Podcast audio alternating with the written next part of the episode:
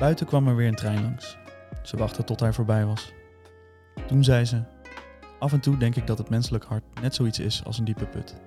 Niemand weet of er iets op de bodem is. Je kunt er alleen maar naar gissen op grond van wat er af en toe uit naar boven komt drijven. De dag die je wist dat zou komen is eindelijk hier. Ehm, we gaan het hebben over 's werelds bekendste Japanse schrijver van dit moment. En ja, misschien aller tijden wel. Ehm, Zo'n beetje iedereen ter wereld heeft wel eens van deze auteur gehoord. Eh, of je nou oud of jong bent en eh, wel of niet graag boeken leest. Inmiddels is het een eh, publiek geheim van welke auteur we vandaag een verhalenbundel gaan bespreken. Het is op sociale media ook al heel erg uitvoerig voorbij gekomen. Ehm, en meestal proberen we het daar een beetje een, een raadsel te houden om onze nieuwe volgers ook bij de sociale media te betrekken. Maar ja, bij deze schrijver was daar gewoon echt geen houden aan. Ehm, de beste man is ongekend productief en heeft dus een oeuvre waar je u tegen zegt. Veel van zijn boeken en verhalen zijn verfilmd, eh, waar de verhalenbundel van vandaag, Blinde Wilg, Slapende Vrouw, het meest recente voorbeeld van is. Eh, hij won al talloze prijzen en is al veelvuldig genomineerd voor de Nobelprijs voor de literatuur. Maar of je hem eigenlijk wel wil winnen, daar, ja, daar komen we later nog eh, op terug in deze aflevering. Ja, zijn naam, we gaan er niet langer omheen draaien, is natuurlijk Haruki Murakami.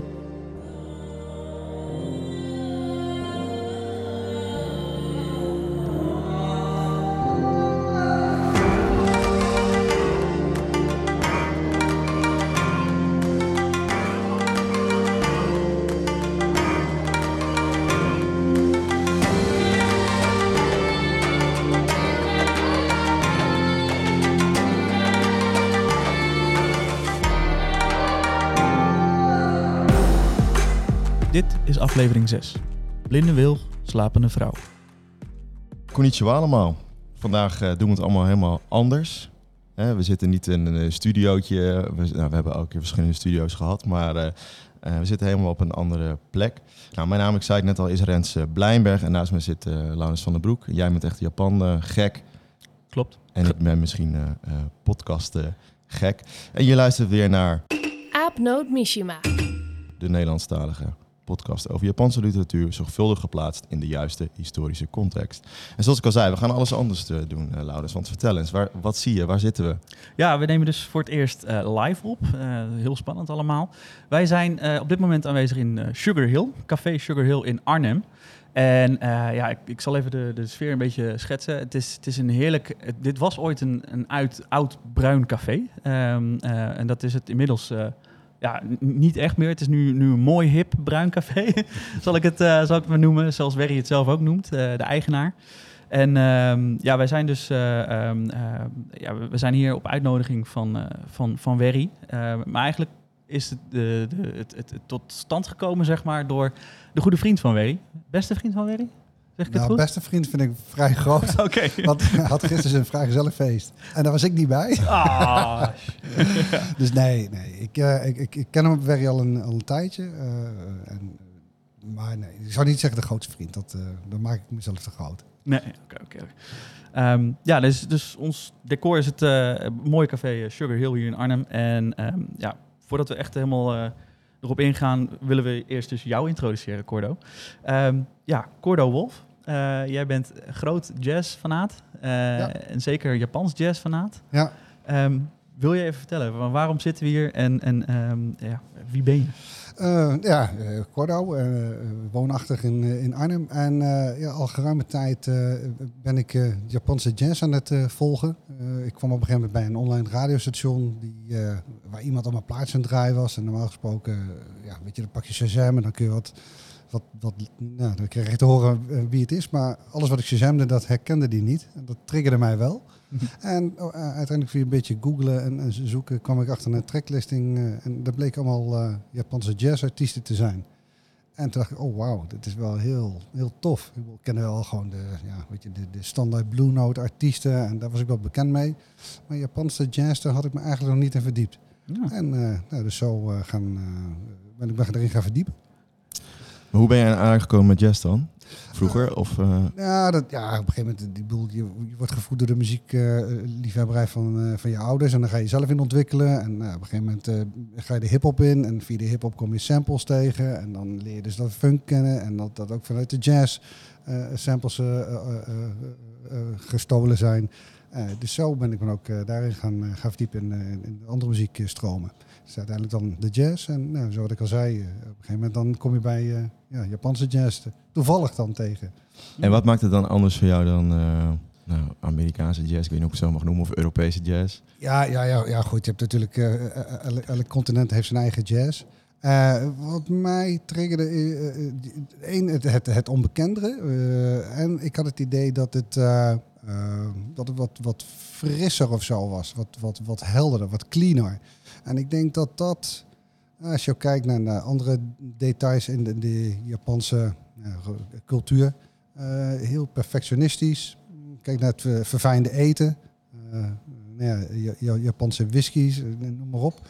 Dat, eh, ja, het lijkt me wel dat, dat Japanners daar een stapje verder in gaan of zo. Dat, eh, dus dat is misschien wel eh, hetgeen wat mij eh, aantrok. Ja. Hmm, Interessant. Klinkt goed. Ja. Ja, ik heb dus eh, heel lang saxofoon gespeeld, tien jaar, les gehad. En ik speel het nog af en toe, maar ik woon in een heel eh, eh, klein galeriefletje, dus ik durf nooit zo goed mijn saxofoon te pakken, want dan weet ik meteen de hele straat dat ik aan het spelen ben. Maar, eh, ja, zo, maar ik ken eigenlijk alleen maar Blue Note daardoor, want dat speelde ik al altijd Ja. met les. Maar in Japanse jazz had ik eigenlijk nog nooit, heb ik nog nooit, ben ik nooit echt in aanraking mee geweest. Dus je hebt net even wat plaatjes opgezet. Het is wel, ja, ik snap wel wat je bedoelt, Ja. wat je net zei. Ja. Ja, ja, het, het, het is ook heel erg, of ja, redelijk veel in Japan gebleven. En je, je merkt het wel, als je dingen wil kopen, ja, dan, dan ja, je moet grotendeels moet je het dan uit eh, Japan laten komen. Omdat het hier in, in Europa niet heel veel is eh, eh, aangekomen. En je hebt natuurlijk tegenwoordig wel wat eh, heruitgaves die dan worden uitgebracht. En dat, dat, dat maakt het leven dan wat goedkoper op die manier. Ja. Oké, nou dat is denk ik genoeg nu even over, over jazz en eh, over, over Cordo. Ehm, eigenlijk ja, past er ook maar één schrijver bij jazz en whisky. dat is Murakami. Uiteraard. Nou ja, ik kan het eigenlijk niet zeggen, want ik heb, ik had, ik heb één boek van hem gelezen hiervoor. Dus zo ervaren ben ik niet. Eh, maar daar kwam ook wel veelvuldig eh, jazz en, eh, eh, en Zeker, whisky, ja, ja. whisky voorbij. Maar voordat we helemaal het boek verder in gaan duiken, hebben we eigenlijk altijd een rubriekje dat is een beetje nieuws. Vooral, nou, wat is er eigenlijk gebeurd er allemaal rond de Japanse literatuur op dit moment. En Laurens, jij hebt dat eh, heel goed voorbereid, zie ik staan. Dus eh, vertel eens, wat, wat- zijn er een paar dingen die, eh, ja, die, die voorbij zijn gekomen de afgelopen weken, maanden over eh, Japanse literatuur? Ja, nou, we zijn dus weer eh, wat weken, maanden verder na de vorige eh, opname. En sindsdien is er, ja, zijn er wel wat nieuwe ontwikkelingen geweest. En zijn we weer wat publicaties verder. Ehm, eh, ja, vorige keer hadden we het wel over Haruki Murakami's nieuwste roman The City and Its Uncertain Walls. Helaas is daar nog, nog geen nieuws over vanuit Nederland. Van wanneer komt die Nederlandse uitgave. Dus eh daar gaan we gauw verder. Ehm, en echt net vlak voor onze aflevering eh, uitkwam. Ehm, maar wel eigenlijk nadat we die vorige dus al hadden opgenomen. Eh, toen kwam er nog een onverwachts bericht dat er een Nederlandse vertaling uitkwam van een roman waar Rens en ik allebei nog nooit van hadden gehoord. Het heet Honingbij en Donder in de Verte. Of Honingbijen en Donder in de Verte. Heb jij er wel eens van gehoord? Nee, Cor? ken hem niet. Nee, nee, Ik, ik ook niet. Ehm, het is geschreven door Riku Onda. En het kwam uit bij eh, uitgeverij Spectrum. En verder ga ik het nog niet eh, verklappen waar het over gaat. eh, want aan het einde van de aflevering volgt meer. Ehm, dan werd er een paar dagen terug bij eh, Fitzcarraldo Editions. Kennen jullie Fitzcarraldo Nope. Editions? Zijn- Nee, Nee. Wij, wij zijn allemaal niet zo thuis in die uitgeverijen, Nee, ja, misschien heb je het voorbij zien komen, ik weet het niet. Ehm, nee, dat zijn hele mooie eh, uitgaven. Ehm, echt eh, kobaltblauw. Ehm, eh, allemaal kobaltblauw met een, gewoon heel chic en elegant. eh, alleen de titel op de voorkant en, en, en de auteur. En that's about it. Ehm, het zijn hele mooie, mooie uitgaven. Ehm, en daar kwam onlangs de roman Mild Vertigo uit van de Japanse critica en schrijfster Mieko Kanai. Ehm, ik had ook nog nooit van haar gehoord, maar ja, zo leer je elke keer wel weer wat. Eh, en deze is naar het Engels vertaald, of uit het Engels vertaald. ehm, eh, nee, uit het Japans naar het Engels vertaald door Polly Barton. En eh, gaat over het gevoel overspoeld te worden door het, ja, door het alledaagse gewone leven. Waarin zowel alles tegelijkertijd als helemaal niets gebeurt. Ehm, ja, klonk mij wel herkenbaar in de oren. Als in persoonlijk of... eh, ja, ja, persoonlijk, ja, Oh. zeker. Ja, ik bedoel, eh, ja, soms gebeurt er gewoon helemaal niets. Eh, en soms ben je zo weken verder, zeg maar. Dat je, ja. omdat er zoveel gebeurt, dat je de tijd gewoon uit het oog verliest. Ja, het deed me ook gewoon een beetje denken aan de boeken van Murakami. Of de verhalen van Murakami. Ja, Het ja. alledaagse, dat het natuurlijk niet altijd alledaags is, helemaal wat er gebeurt. Maar het wordt alledaags omschreven. Ja.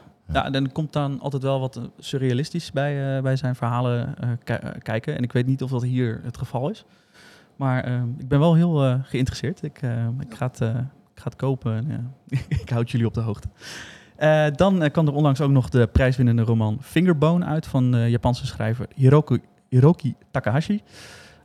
Die kwam uit bij de kleine maar sympathieke uitgeverij Honford Star. Denk ik nooit van gehoord. Ik kijk Nee. heel veel snel. Nope, nee, sorry. gaan we door. Eh, deze is vertaald naar het Engels door de Takami Nieda. En ehm, deze roman vertelt over de, eh, ja, eh, de gruwelijke strijd die het Japanse leger eh, voerde in de Tweede Wereldoorlog. Het schijnt echt een heel indringend debuut te zijn. Het is volgens mij ook bekroond, geloof ik, met eh, de. ehm, eh, hoe, heet, hoe heet die? Eh, heet die eh, ene prijs ook alweer? Die uh, Akutagawa Ja, prijs. Akutagawa, ja. Sorry. ik moest even graven. Ehm, eh, dus ja, het is te hopen dat die ook naar het Nederlands vertaald wordt. En dan eh, tot slot wees eh, onze trouwe volger eh, Fleur van Fleur Reads Books ehm, op eh, Instagram. Die wees ons erop dat er een eh, nieuwe vertaling, een Engelse vertaling van eh, een, een werk van Banana Yoshimoto uit eh, gaat komen later dit jaar. Het, heet, eh, of het gaat heten The Premonition. Het, en, ja, vrij vertaald betekent dat het voorgevoel. En het kwam uit in eh, 1988 in Japan, eh, maar nu dus voor het eerst pas vertaald. Eh, en eh, ja, de Nederlandse vertaling is nog niet aangekondigd, maar dat zou zomaar weer een eh, samenwerking eh, tussen Das Mag en eh, eh, vertaler Maarten Liebrechts kunnen betekenen. Die schoof eerder bij ons aan in, eh, in de derde aflevering eh, over het eh, boek eh, van eh, Mieko Kawakami, Borsten en Eitjes. Ehm, dus ja, maar Maarten heeft het hartstikke druk, want die is momenteel ook bezig. eh, hij is net klaar met Hemel. Dus dat is ook een boek van Mieko Kawakami. Eh, en hij is met een ander boek van Mieko Kawakami nu bezig. Dus hij heeft het hartstikke druk. Dus ik eh, ben benieuwd. Maar ehm, ja, ja. Oh, trouwens, over dat boek willen we ook nog een podcast maken. Ja, die komt nog Maarten, dus, dus maak je borst maar nat. Ja. Eh, ja, en dat, dat was het ongeveer. Ja, ik dacht, misschien Cordo, heb jij nog leuk jazznieuws dan uit Japan? Oei. Ja, ik dacht even wat anders ook Ja, tussendoor. eh, nou, ik zit te wachten op een, eh, eh, een oude uitgave van Hideo Shiraki, Bossa Nova. Eh, ik heb straks al wat dingen gedraaid eh, van hem. ja? Eh, ja, nou, ik zeg, ik bedoel, origineel niet te betalen. Dus heel blij dat er een heruitgave aankomt. En eh, nou, die is onderweg, dus dat, dat zit eraan te komen. Die heb je al besteld. Die heb ik al wel besteld. Ja, Kijk, ja. hartstikke idee. Lekker. Interessant. Oké, volgens mij genoeg eh, zijpaden bewandeld. Ik zie ook de luisteraars denken van, nou, wanneer gaan ze het hebben over het boek? Ja, of de, de aanwezige hier ook. Ehm, maar laten we nu inderdaad ingaan op eh, ja, Blinde Wil, Slapende Vrouw of eh, Blind Willow, Sleeping eh, Woman. Het is eigenlijk een verhalenbundel, er zijn 24 verhalen in. Korte verhalen, geschreven over best wel een lange periode. Zeker. Ja. En jaren 80 tot aan 2009. En ik begreep ook dat eh, Murakami vaak zijn verhalen ook nog weer opnieuw herschrijft of verbetert gedurende de jaren. Dus eh, nou, hier staan eigenlijk alle verhalen in tot aan eh, 2005. 2005 ongeveer. Ja. Ehm, deze bundel is in 2009 verschenen in het Nederlands voor het eerst. Ehm, en werd vertaald door Elbrich eh, Venema. En dat is echt best wel eh, vroeg, want ik was een beetje gedoken in, eh, eigenlijk hoe zeg je dat, een soort van hype rondom Murakami. Ik weet niet of jullie dat mee hebben gekregen. Vast wel. Op een gegeven moment was het heel hip moment wel, ja. om je hele kast vol te hebben met eh, Murakami. Boeken tenminste een beetje onder mijn generatiegenoten. Zie je Eh, ook hiervoor. Ja, ja, ja, jij bent er ook eigenlijk eh, eentje van. En, er is, en ik, ik, las hem, ik heb er een podcast over geluisterd, eh, Boeken FM, die hadden het erover. Maar ik heb ook een aflevering gezien van De Wereld Door. Waar in een hele, de hele aflevering stond eigenlijk in het teken van Murakami en waarom hij zo bijzonder was. En dat is in 2007. En toen kwamen eigenlijk de eerste boeken, de eerste vertalingen pas in het Nederlands ook een beetje Huh? op gang. Volgens mij de eerste vertaling even uit mijn hoofd is 2005. En eh, vanaf dat moment eh, is het heel, eh, heel hard gegaan in, eh, in, in Nederland. En ik werk zelf in een bibliotheek en ik weet ook, er liggen bijna eigenlijk geen Japanse boeken in een, eh, in, een- in een Nederlandse bibliotheek. Maar Murakami is altijd te vinden. Ja, daar proberen wij dus verandering in, eh, Ja. in aan te brengen. ja. Hey, en volgens mij, ik zie dat wij dezelfde uitgave hebben. Klopt. Ja, klopt. Die, deze is vrij recent, hè, 2021 volgens mij. Inderdaad. En hij is ontworpen door eh, Suzanne Beijer. Eh, sowieso is dit hele oeuvre van, eh, van eh, Murakami door Suzanne Beijer met omslagillustraties van Tony de Muro helemaal opnieuw uitgegeven. Echt, er zijn er wel een stuk of 15 geloof ik of zo eh, van, zijn, eh, van zijn boeken. Helemaal opnieuw ontworpen. Want jij, eh, Cordo, jij, jij hebt die oude nog. Hè? Dat, Ja. is, dat is het oorspronkelijke van Atlas. Toen Atlas nog geen Atlas Contact was. Ehm, eh, dus, dus ja, dat, ja ik, als ontwerper ben ik hier wel heel blij, blij mee. Ik kijk ook altijd even naar de vormgeving. En dan, maar uiteindelijk, gaat het erom wat erin staat natuurlijk. Dus laten we daar gewoon lekker naar doorgaan. Ehm, ja, Ja, want ik zat te denken, we gaan het voor het eerst live opnemen. We hebben niet zo vaak een gast. Eh, en dan gaan we ook nog voor het eerst een verhalenbundel doen. eh, waar 24 verhalen in staan. Ik zat, ja joh. En dan ging ook nog de apparatuur kapot net. Dus ik zit daar redelijk eh, te zweten al. Ehm, want hoe gaan we dit Het is nou... warm. Ja, hoe gaan we dit? Het is ook nog 30 graden buiten. Ja. Hoe gaan we dit nou aanpakken? Ehm, want er zijn dus 24 losse verhalen in, geschreven over lange periode. Ehm, ik had eigenlijk bedacht, misschien kunnen we er één of twee allemaal uitlichten die we zelf interessant vinden. Ehm, maar ik dacht eerst misschien, ehm, eh, hebben jullie een soort van rode draad of zo herkend of ge- ge- gepakt in de verhalen? Daar ben ik wel benieuwd naar. Ik kijk eerst even naar Cordo. Want, eh, Ehm, Oeh, nee, het, nee, ik- het was mij sowieso voor het eerst dat ik een verhalenbundel aan het lezen was. En dan ook, nog, eh, ook sowieso. En dan ook nog van Murakami. Uh, dus ik vond het, ik vond het ook verder gewoon dat hele gegeven. Van, nee, je hebt een verhaal, boep, klaar. Ja. En dan op naar de volgende. Um, nee, om maar terug te komen op je vraag. Ik heb er niet zelf een rode draad in uh, ontdekt. Nee, nee, hoeft ook niet hoor. Nee, maar ik dacht, misschien nee. heb je iets. Uh, Nee. en, en, en, jij, Laurens? Nou ja, kijk, achterop, het, uh, achterop, het, uh, op onze versie, zeg maar, um, die nieuwe versie, daar, staan, daar staat uh, dat het 24 verhalen zijn met de opeenstapeling van bizarre voorvallen en haarscherp beschreven net niet gebeurtenissen. Spaghetti, katten, vage seks, eenzaamheid in de grote stad en mysterieuze spiegels. Het komt allemaal voorbij. En dat, dat klopt ook. Uh, er komt echt van alles voorbij. Um, ik, ja, een rode draad zit er wat mij betreft niet echt in, maar of misschien heb ik het gemist. Um, maar dat kan komen omdat het zo uitgesmeerd is over de tijd. Zeg maar. Het zijn uh, allemaal korte verhalen die van ergens in de jaren 80 tot aan 2005 zijn geschreven. En je merkt dat. Ja, dus ze staan ook niet chronologisch in, in, het, in, in de bundel. Dus je merkt gewoon.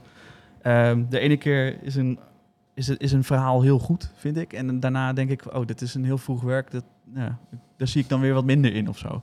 Um, ik weet niet of jullie datzelfde idee hadden. Of, of um, Rens, hoe denk jij daarover? Ja, ik had wel inderdaad verhalen die je zo die je door wil lezen. En ook vaak dacht van. Uh, maar goed, dat heb je denk ik altijd bij verhalenbundels, toch? Tenminste, ik wel. Ja, nou, sommige verhalenbundels zijn echt steengoed. En dan denk je elk verhaal weer van, oh, deze is echt super vet. Ik ga gelijk door met de volgende. En dat had ik hier niet, helaas. Nee. Nee. En jij? Nee, had ik ook niet. Ik bedoel, er zaten inderdaad verhalen bij. Daar ben ik vier keer opnieuw begonnen. Dat ik, nou, ik kwam er gewoon niet in. En dan heb je nog de kleine verhalen. Maar er zaten ook een hele mooie dingen in. Maar nee, dat, uh, uh, ik vond het uh, wat, wat wisselend. Ja. En wat zijn dan voor jullie verhalen die dan uitsprongen? Oeh, ga ik even, even mijn, mijn boekje erbij pakken, het, het lijstje. Want ja. het zijn dus 24, dus het zijn er ook fucking veel. Uh, ik had halverwege uh, had ik al niet meer door van, oh ja, wat, dat verhaal hebben we ook nog gehad. Dus ik zat gisteren nog eens een keer helemaal terug te bladeren. En eigenlijk voor mij sprong mensetende katten sprongen uit, pagina 126. Um, en Misselijkheid 1979, daar was jij ook wel over te spreken. Ja. ja. Um, en ja, het zijn er superveel, maar um, ik was ook wel gecharmeerd van Tony Takatani. Ja, daar was ik niet. Ja, ik vond die ook niet zo interessant. Daar gaan we het ja. zo meteen nog wel over hebben. Ja. Uh, en uh, de baai van Hannelee. Ja, vond ik ook, ook wel. mooi. en jij, Cordo? Uh, ja, de baai van Hannelee vond ik heel mooi. ik zit even te kijken. De, wat ik, het jarige meisje. Ja, die een, had ik ook. Ja. Een mooie. inderdaad, die misselijkheid vond ik inderdaad heel... droog komisch. Ja. Zeg maar. Nee, maar het lijkt me dan wel goed. Want ik, vind, dacht, ik vraag even bij jullie uit wat van jullie die verhalen zijn. Want um, ik denk dat het wel goed is om even twee van die verhalen toch even uit te pikken. Want dat geeft denk ik wel een soort beeld ook voor de luisteraar en voor de kijker hiervan. Nou, waar gaan dan die verhalen over? Um, laten we dan beginnen misschien met misselijkheid. 1979. Het gaat over een man, een jongen die uh, een maand lang misselijk is in het jaar 1979. Uh, weet precies ook wanneer. Volgens mij uh, ergens tussen juni en juli uit mijn hoofd was hij uh, extreem misselijk. Ehm, en er gebeuren eigenlijk allemaal hele rare eh, magische dingen rondom die eh, misselijkheid. Want telkens als hij misselijk wordt, wordt hij gebeld. eh, en dan neemt hij op en dan zegt er een zware mannenstem zijn naam en hangt meteen weer op. Dus gebeurt, dat gebeurt iedere dag eigenlijk in die maand lang dat hij... eh, Heel stipt ook, hè? Heel stipt ook, dat hij, dat hij eh, misselijk is. En ehm, op een gegeven moment komt er dan een vrouw in, het, in, in zijn leven. En dat gebeurt eigenlijk in alle verhalen die hierin Ja. staan. Het gaat telkens eigenlijk over een best wel zielige man of een zoekende man. Laat ik, eens. ik zag een vaak een soort, eh, ja, wat zou het zijn, een 40-jarige, 50-jarige man eh voor me die, eh, die eigenlijk aan het zoeken is van nou, eh, of is vrijgezel of nou, een beetje die, die, die richting, wat moet ik met mijn baan doen. Dus een zoekende, laat ik het maar zeggen, een zoekende eh, eh, man. En dan komt een vrouw in zijn leven, wat ook vaak gebeurt, die toch wel invloed heeft op die misselijkheid. Maar ook die misselijkheid verdwijnt op een gegeven moment ook weer op een magische eh, manier. En ik vond wel in dit verhaal eigenlijk een beetje aspecten die vaak terugkomen. Dus de man-vrouw verhouding, de man die aan het zoekende is. En dus het, het magisch realisme, of eigenlijk het surre- surrealisme, komt heel erg naar voren in, in dit verhaal.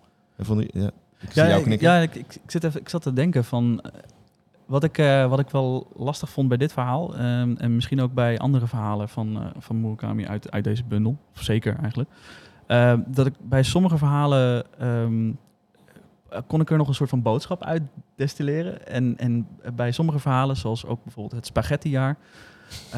dat was ook een, een, ja, een vrij bijzonder verhaal over iemand die een jaar lang alleen maar spaghetti eet en kookt. Eh, en ja, ik, ik, ik haalde daar niet zo erg een, een, een soort van onderliggende boodschap. Maar uit deze dergelijks. Eh, Nee, ook niet echt. Ja, ik- misschien ligt dat aan mij hoor. Ik, ik, eh, ik heb hem ook Ja, vrij jij, haastig gelezen. iets... eh, Nee, nee, nee. Ik, eh, ehm, nee, ik heb daar niet concreet iets uitgehaald. Nee, sorry jongens. Dat, eh, Oh ja, ik, Nee. nou, misschien zo- zoek ik dan veel te ver, want dat lees je ook altijd over Murakami. Je moet ook niet te veel eh, gaan overanalyseren, want je kan alle kanten op. Maar ja, dat, het ging wel over dat ook iets opeens zomaar weer voorbij kan zijn, maar ook dat je dus opeens dus zo ziek kan worden. En Ja. een soort van, Ja. bijna een soort carpe diem-achtige, wat natuurlijk vreselijke term is, maar eh, eh, thema zat daar, vond, vond ik dan daarin zitten. Maar ja, Ja, ja, goed, tuurlijk. Ja, dat, dat is, Ja, dat is wel iets. ja. nee, nee, maar Maar dat, jij bent dat is ook schrijver schrijver. Nee, ja, goed, maar goed, ik ben ook geen goede schrijver. Dat is dat. eh, Weet je, dus eh, en iedereen, elke lezer haalt weer iets anders uit zo'n verhaal. Ehm, en, en wat ik hierbij een beetje miste, waren de consequenties of zo. Dat ik dacht, ja, oké, Ja. je hebt een maand lang overgegeven en nu? Ja. Ehm, Maar dus- dat is denk ik dan inherent aan het feit dat het gewoon korte verhalen Ja, zijn. dat zou goed kunnen, ja. Ik heb wel eh, ook een paar keer gehad, eh, dat was maar ook het laatste verhaal, dat gaat over een aap. En, eh, ja, tenminste, die Mhm. aap die komt ergens vandaan opeens. En, en- ja, Ja, en die pik je naam in. ja. Ja, daarna weet je je naam niet meer. En dat, dat weet je, er- er gebeuren wel vaker dat ding opeens iets eh, oppopt. Maar hier, ja, op een gegeven moment zoek je dan misschien iets meer de, de verdieping of zo. En dat, dat, dat miste ik nog wel eens bij. Ja. Ja, ik, ik, ik merkte ook gewoon, ik heb meerdere romans ook gelezen van Murakami. En ik merkte die lengte past, voor wat mij betreft, in ieder geval beter bij hem dan korte Ja. verhalen. Of Ja, zo. absoluut. Ehm, maar dat wil niet zeggen dat dit allemaal slechte verhalen zijn. Zeker, Zeker niet. Nee, nee. Maar je wil gewoon langer eigenlijk in zo'n universum verblijven, zodat je die, die pers- personages nog wat meer eh, los kan, eh, kan pulken en nog wat beter in hun hoofd kan kijken. Ik weet niet of, ja. Ja, nee, ik snap wel wat je bedoelt. Zullen we dan nog even eentje uitlichten voordat we nog een beetje eh, iets verder ingaan op Murakami zelf? Ehm, ik vond die in de die bij van, eh, hoe spreek ik het even goed uit, Honolulu, in ieder geval Hawaii. Hanalei, toch? De, Hanalei, ja. baai, de baai van Hanalei Op Hawaii. op Hawaii. Ja, en dat gaat dus niet over een man deze keer. Ja, eigenlijk ook wel weer, maar het gaat over een vrouw. Dus dat vond ik, vond ik ook wel eh, leuk. Een keer wat anders. Ehm, die ehm, haar zoon verliest. Eh, die wordt, zijn been wordt afgebeten of aangevallen door een haai. Terwijl hij aan het surfen is op Hawaii. En eh, ehm, hij raakt daar zo van in de stress dat hij dus verdrinkt. Want normaal, als je, als je aangevallen wordt door een haai, overleef je het vaak. Omdat je toch wel boven blijft. Maar hij raakt zo in shock dat hij dus eh, verdrinkt. En zijn moeder, zijn vrouw, die vrouw, die gaat dus ieder jaar drie weken naar Hawaii, eh, naar die baai, om daar eh, te zitten eigenlijk. En daar gewoon vakantie te houden, maar ook een beetje de relatie, zeg je dat? Ja, Ja. een soort, soort rouwverwerking, la- zo las ik het tenminste. Ehm, en gedurende het verhaal gebeurden er allerlei best wel rare dingen. Ten eerste vond ik dat het vond heel interessant om te lezen dat die moeder zei: Ja, ik heb, hou eigenlijk helemaal niet van mijn zoon. Ja, Maar toch ga je Ja. ieder, ieder jaar drie weken naar Hawaii om daar iets, ja, om, om aan die rouwverwerking te doen. En ze, haar hele leven als pianist in een jazzbar dacht ik meteen aan jou, Cordo. Eh, die, eh, eh, de- die, de- de- daar werkt ze gewoon heel hard om dus naar Hawaii te kunnen, iedere drie of ieder jaar. Ehm, en dus komt, ontmoet ook twee andere jonge Japanse surfers die eigenlijk geen geld hebben op Hawaii en daar willen gaan surfen. Ehm, en eh, en nou, zij biedt hun, eh, eh, hen help en ze geeft hen een auto of ze rijdt rond over het, over het eiland en geeft een onderdak. Ehm, en uiteindelijk zeggen die, zeggen die ehm, jongens ook van ja mevrouw, we zien u elke dag op het strand zitten te kijken in die baai en, en naar de surfers. Ziet u dan ook altijd die ene Japanse jonge eh, Japanse surfers met één been? Ziet u die ook? En dan raakt zij helemaal soort van in de stress van, hè, is mijn zoon hier dan wel? Eh, en die, die jongens verdwijnen dan eigenlijk ook weer uit beeld. En dan, ja, en dan houdt het verhaal ook best wel snel weer op. Dus ik dacht Ja. ook van, ja, ik ben het een beetje zo verbijsterend achter. Wat is nou precies dat verhaal? Eh, wat, waarom eh, krijgen we opeens te weten of te horen dat die jongens, die twee Japanse jongens, een Japanse surfer met één been zien? En Ja. zij niet, terwijl zij daar iedere drie weken per jaar zit. Ja, ik weet niet hoe jullie daar... eh, Ja, het is wel interessant, omdat zij, zij heeft die jongen eh, in dat verhaal, aan het begin van het verhaal, eh, vliegt zij dus naar Hawaii om die jongen te identificeren ja. ehm, eh, in het mortuarium. En daarna krijgt zij ook zijn as mee, eh, ehm, nadat het weet ik, in de loop van een paar dagen eh, ehm, dat die jongen is gecremeerd. Dus je weet, die jongen is gewoon overleden en bestaat niet meer. Maar dat is het leuke van Murakami. Die gooit er dan een soort van plot twist in van blijkbaar zien die jongens een, een, een eh, Japanse server met één been eh, daar eh, zijn gang gaan. Ik vraag me ook af hoe dat werkt met één been server. Dat super, ja, super knap. Maar buiten dat, zeg maar, dat, dat, dat zijn van die plot twists die eh, Murakami eigenlijk in elk boek strooit hij daar wel mee. Ehm, en wat dat dan allemaal betekent, dat is dan altijd maar weer de vraag. En ik heb het idee, bij, bij sommige verhalen kun je dat veel beter invullen ehm, dan in andere verhalen.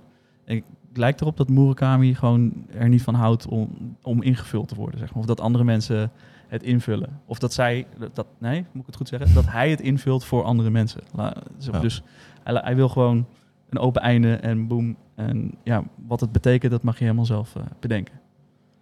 Ja, op zich wel mooi. Laten we daar zo ehm na onze break ook even verder ehm, op ingaan. Er zit nog even heel kort op Murakami zelf in. Hij is denk ik de meest bekende Japanse schrijver. Ja, dat denk ik Eh, inmiddels wel, ja. Jij hebt veel boeken van hem gelezen. Jij ook, Hordo, toch? Ja, ik heb er een aantal inderdaad van hem gelezen. Ja. Ja. En ehm, ehm, is het voor, jou misschien dan voor jou, Cordo, is dat je enige... of heb je nog andere Japanse auteurs gelezen naast Murakami? Eh, ja, ik heb wel andere auteurs gelezen. Eh oh de god, on, on the spot. Eh, Endo van eh, Stilte en Samurai heeft hij geschreven. Eh, de Geheugenpolitie. Ik ben meer goed in de titels. ook de Yoko. Ogawa. Ja, eh, eh, eh, Heaven heb ik gelezen, of Hemel heb ik gelezen. Dus ja, ik probeer ou- oude schrijvers en nieuwe schrijvers te, te, te combineren. Ja. En wat trek je dan aan Murakami? Dat je... Ja, vooral eh, de, de, de bizarheid. Maar Ja. de enerzijds de bizarre verhalen, maar anderzijds ook de, de verhalen dat, dat het... ja, mainstream verhalen. Dat je, hij zit daar wel... eh, dingen die, zeg maar, zouden kunnen. Eh, zijn hele mooie verhalen. Maar je hebt natuurlijk ook verhalen... Ja, dat, dat kan niet, maar het gebeurt toch. En je, je gelooft het ook. Maar dat is het knappe inderdaad. Ja, dat er gewoon iets gebeurt wat, waarvan je rationeel zegt, dat eh, is onmogelijk. Eh, maar dat je dan toch het wel voelt. Ja. En, en wel denkt van oké, ik ga blijkbaar ga ik hierin mee. Ja. Eh, dat is altijd wel knap.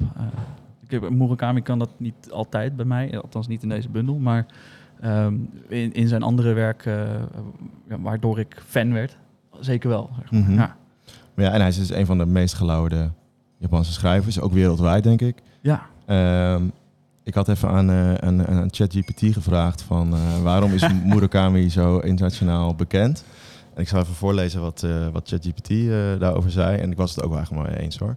Ehm, eigenlijk is hij vooral immens populair omdat hij zijn werk is duidelijk westers beïnvloed. En dan heb ik even opgezocht. Zijn vader zat in het leger. Hij is opgegroeid ne- net na de Tweede Wereldoorlog geboren. eh, met veel Amerikaanse invloed in, eh, in Japan. Daardoor hield hij ook zoveel van jazz. Las heel veel Japan, of, eh, Amerikaanse schrijvers zoals, en Europese schrijvers. Dus dat zit heel erg in zijn werk Hm. eh, terug. En daardoor zegt ChatGPT eh, dat het daar ook beter aansluit denk ik, bij, het- bij het Westen. Ik zet misschien wel wat, wat, wat in. Ehm, en zijn stijl is eigenlijk gewoon heel bijzonder.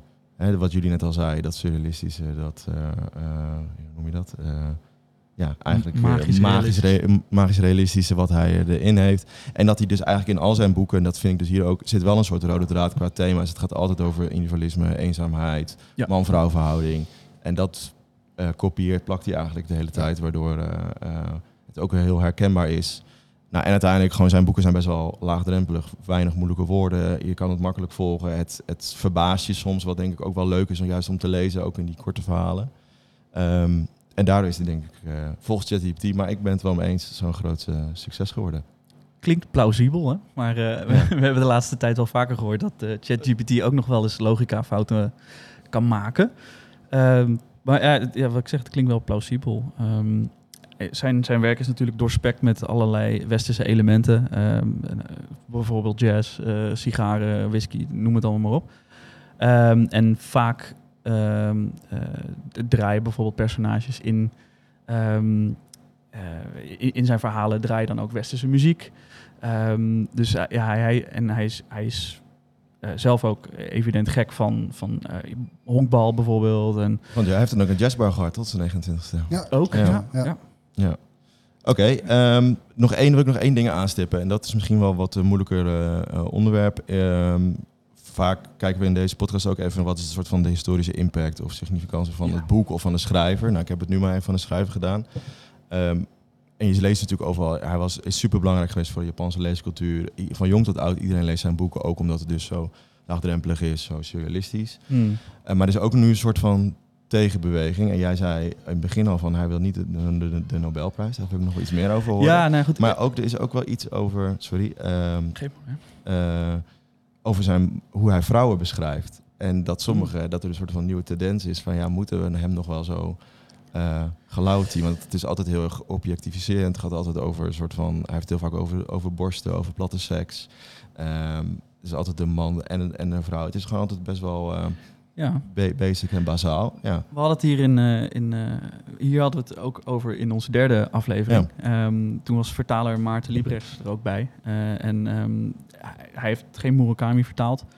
Ehm, maar we hadden het wel over die discussie van ehm Mieko Kawakami. Dat is het boek dat we destijds bespraken. eh, Borsten en eitjes. Zij heeft ehm, een zeldzaam eh, interview met, eh, met Murakami gehad. Want Murakami is best teruggetrokken. Hij treedt niet heel graag naar buiten, ook al is hij wereldberoemd.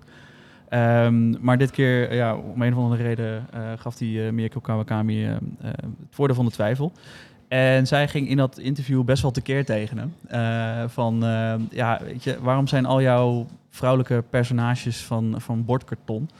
Eh, en en, en ze zijn hartstikke plat. Ze, ze, ze, het zijn geen volledig 3D vormgegeven figuren, zeg maar. In ieder geval niet, niet uitgediept qua persoonlijkheid. En nou, dat, dat, ehm, dat heeft hem bij hem er ook wel aardig ingehakt, volgens mij. Eh, en sindsdien is hij een waanzinnig eh, fan van het werk van Mieko Kawakami. Maar ja, ik, ik ben benieuwd. Ik, ik, heb, ik, heb zelf niet... ehm, ja, ik, ik ben ook maar een, man, zeg maar. Maar ik, ik kan ook wel zien dat in sommige verhalen eh, de vrouwen eh, ja, gewoon opgevoerd worden... omdat er iets moet plaatsvinden in het plot en door. Ehm, en waar die vrouw dan blijft of wat er met haar gebeurt... dat is dan minder interessant. Ehm, ja, dus, dus dat is wel een, een maatschappelijke discussie. Het heeft daar heel veel eh, op, op gang gebracht. En ja, ik, ik ben benieuwd. Ik weet niet of het zijn kansen voor de Nobelprijs heeft geschaad. Mogelijk wel. Ehm, maar ehm, ik heb hier een boek liggen van Murakami zelf. ehm, romanschrijver van beroep. Is een van zijn eh, weinige non-fictieboeken. Nou, hij heeft inmiddels wel wat meer non-fictieboeken. Over zijn t-shirt collectie. En over eh, muziek en over hardlopen. En, maar in dit boek eh, heeft hij ook een heel hoofdstuk gewijd aan literaire prijzen. En waarom het kwam dat hij nooit de Akutagawa, dat is eigenlijk de belangrijkste prijs in, in Japan, literaire prijs, ehm, waarom hij die nooit heeft ge- gewonnen en desondanks toch enorm populair en, en eh, wereldberoemd is geworden. Ehm, en daar heeft hij het ook over de Nobel, Nobelprijs voor de literatuur. Eh, en ja, ik weet niet, er, je, je leest gewoon tussen de regels door dat hij hem eigenlijk, het interesseert hem echt helemaal geen, geen lore, eh, die prijzen. Ehm, en ja, voor sommige mensen is het, een, is het voor sommige schrijvers is het een prestige ding. En, en hij, ja, eigenlijk maakt het hem niet zoveel uit. Ehm, en eh, ja, hij, hij, hij, lijkt daarin wel een beetje op, ehm, op eh, ja, Kawabata. Die, eh, die accepteerde wel de prijs. Die, die kreeg ooit wel de Nobelprijs, net als Kenzaburo Oe. En Katsuo Ishiguro, ook al is die meer Brits dan Japans. Ehm, maar ja, hij zou, hij zou hem niet, niet volmondig, eh, zeg maar, hij schreeuwt het niet van de daken van... eh, kijk mij eens even de Nobelprijs voor de literatuur eh, hebben gewonnen. En ik vraag me eerlijk gezegd ook af of hij hem gaat, gaat winnen. Maar goed, dat is een, eh, dat is een discussie. Wat denk jij, Cordo? Oh, pff, eh, geen, ja, weet ik niet. Ik zit niet op de stoel. Geen idee, sorry. Nee, prima. Dan onthoud je je van, eh, van jurering, zeg Ja. maar. Ja, nee. Maar, maar, maar ach, je, Ja, want ik je- zou jij wel, leest weet je, op, zich zou ik het wel, wel goed vinden als hij het zou, zou krijgen. Ik bedoel, eh, als je kijkt gaan naar zijn, zijn oeuvre en eh, ja, weet je, dan, ik denk, ja, eh, eh, ja, dus misschien wat op en aan te merken van wat er in het verleden geschreven is. Maar ik denk dat er dan nog meer schrijvers eh, een kruisje achter naam eh, krijgen. Dus ja. Ja. Ja, want waar draait het om in zo'n Nobelprijs? Is het, draait het om invloed? Eh, is, is, is, is dat een, een, een, eh, een, hoe zeg dat, een parameter voor je succes? Of eh, gaat het echt puur om de kwaliteit? Geen idee. Of dat alles tezamen, zeg maar? Ja, d- d- dat, daar kunnen wij natuurlijk niet in het hoofd van, van die juryleden in, in Zweden kijken. Ehm, en het, het wordt ook nooit echt helemaal duidelijk wat nou precies de doorslag geeft dat iemand hem wel of niet wint. Ehm, dat hangt ook een beetje af, denk ik, met de maatschappelijke ontwikkelingen. Ehm, dus ja, het, is, het is, het blijft een groot vraagteken of hij hem gaat winnen, ja of nee. Maar ik denk niet dat hij er heel veel eh, om geeft eh, als hij hem niet zou winnen. Ja, ik vind het wel interessante materie om hier eens verder over, eh, over na te denken. Maar het is ja, grappig dat hij zo open eigenlijk over schrijft. En inderdaad hoe die ook aangevallen wordt door, of aangevallen, bekritiseerd wordt door vooral inderdaad de nieuwe generatie van jonge schrijvers in, Ja. eh, in Japan. Die hem daarop eh, op aanspreken. Oké, laten we verder gaan ehm, eigenlijk ehm, naar een soort van de verdieping. Wat, wat vinden we eigenlijk zelf van het boek? Maar dat doen we eigenlijk altijd eerst. eh, onderbreken we dat een beetje met een eh, ja, even wat, wat losser en wat anders stukje in de podcast. Namelijk een soort, eh, nou, we noemen het altijd het Japanse feitje. Dus daar gaan we nu naartoe.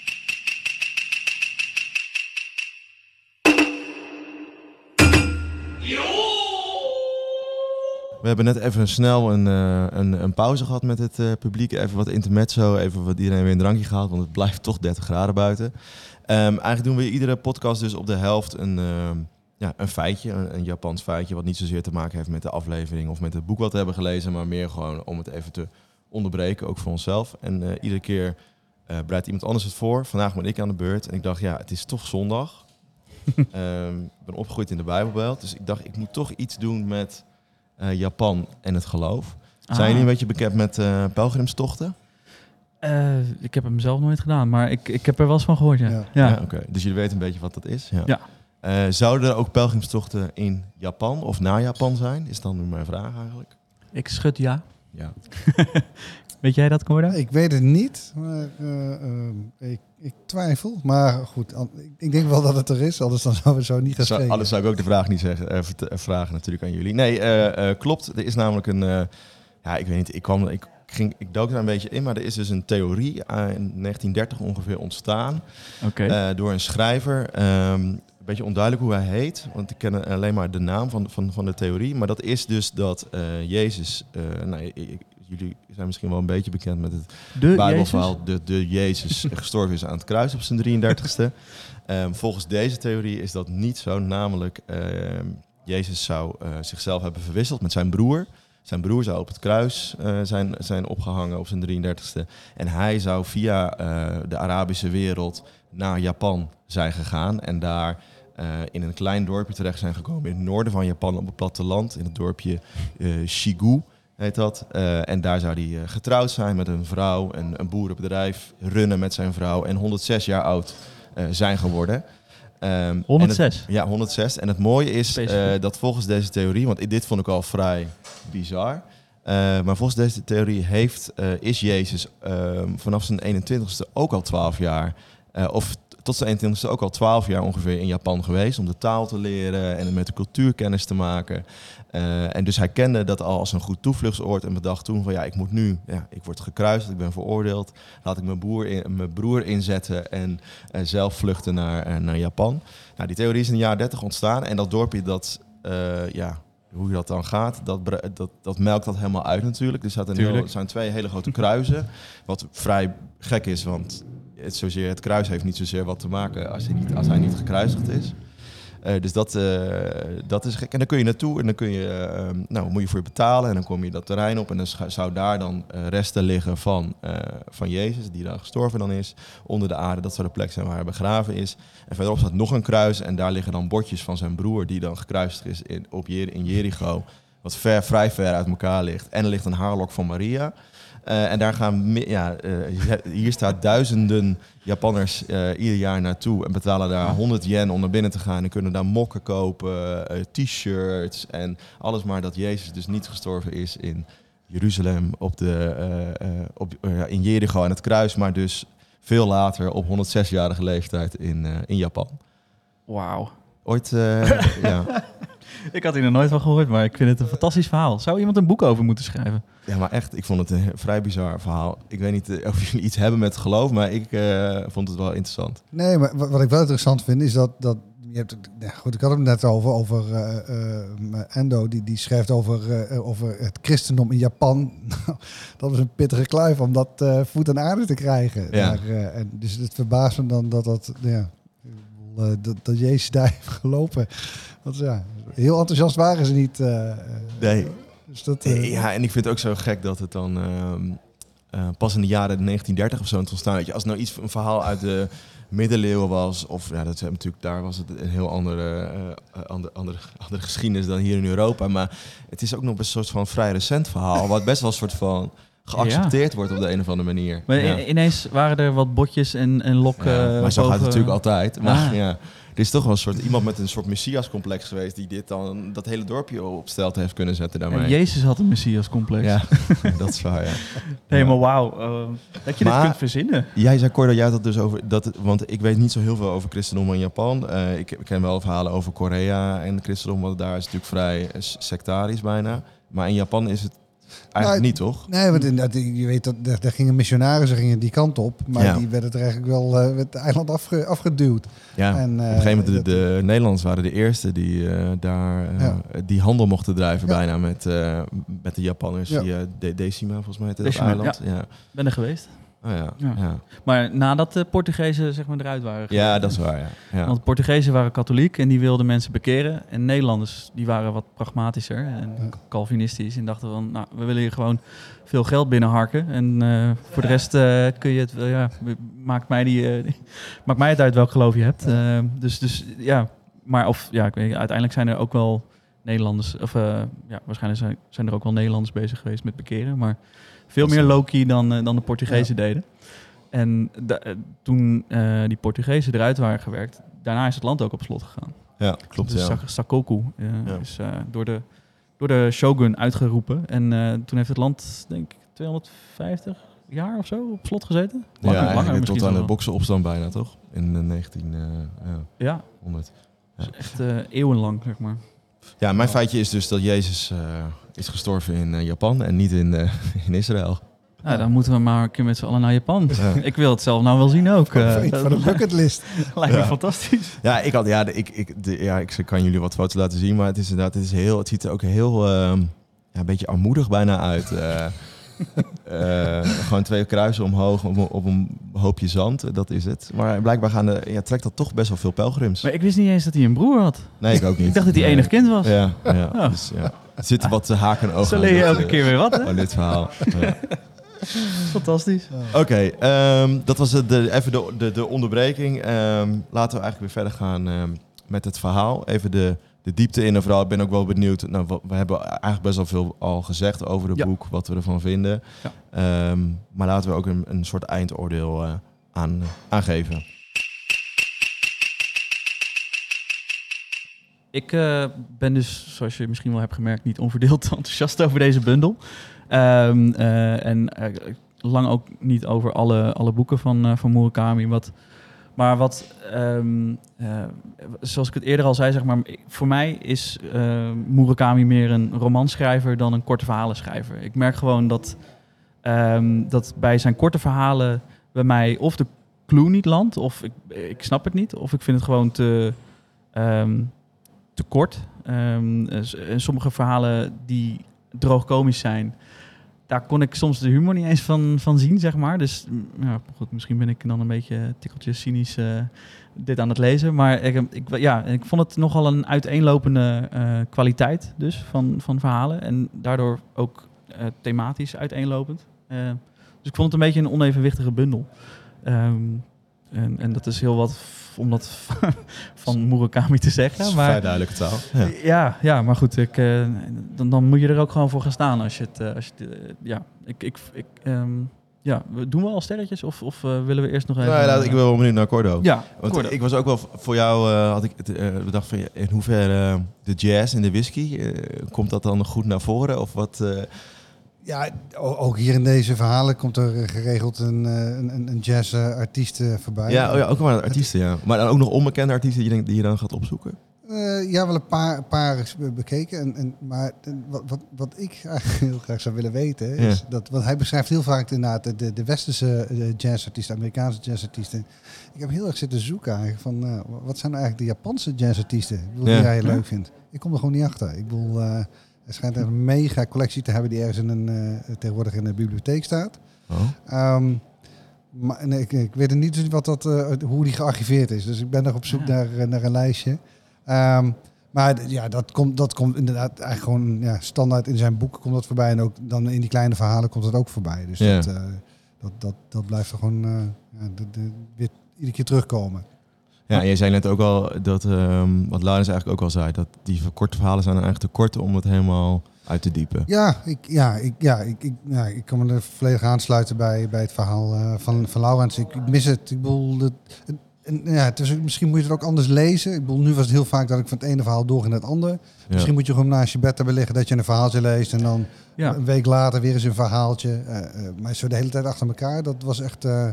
eh, eh, Ja, het is eigenlijk ook net als een poëziebundel. Die rach je er ook niet in één keer door. Nee, nee. Ehm, nee, misschien eh, had ik het beter op die manier kunnen aanvliegen. Ja. En misschien dat, dan, eh, dat ik dat, de bundel dan ook meer, eh, meer ja, dat ik hem gewoon beter had, eh, had gevonden dan dat ik hem nu vind. Ja, ik vond hem eigenlijk best eh, prima.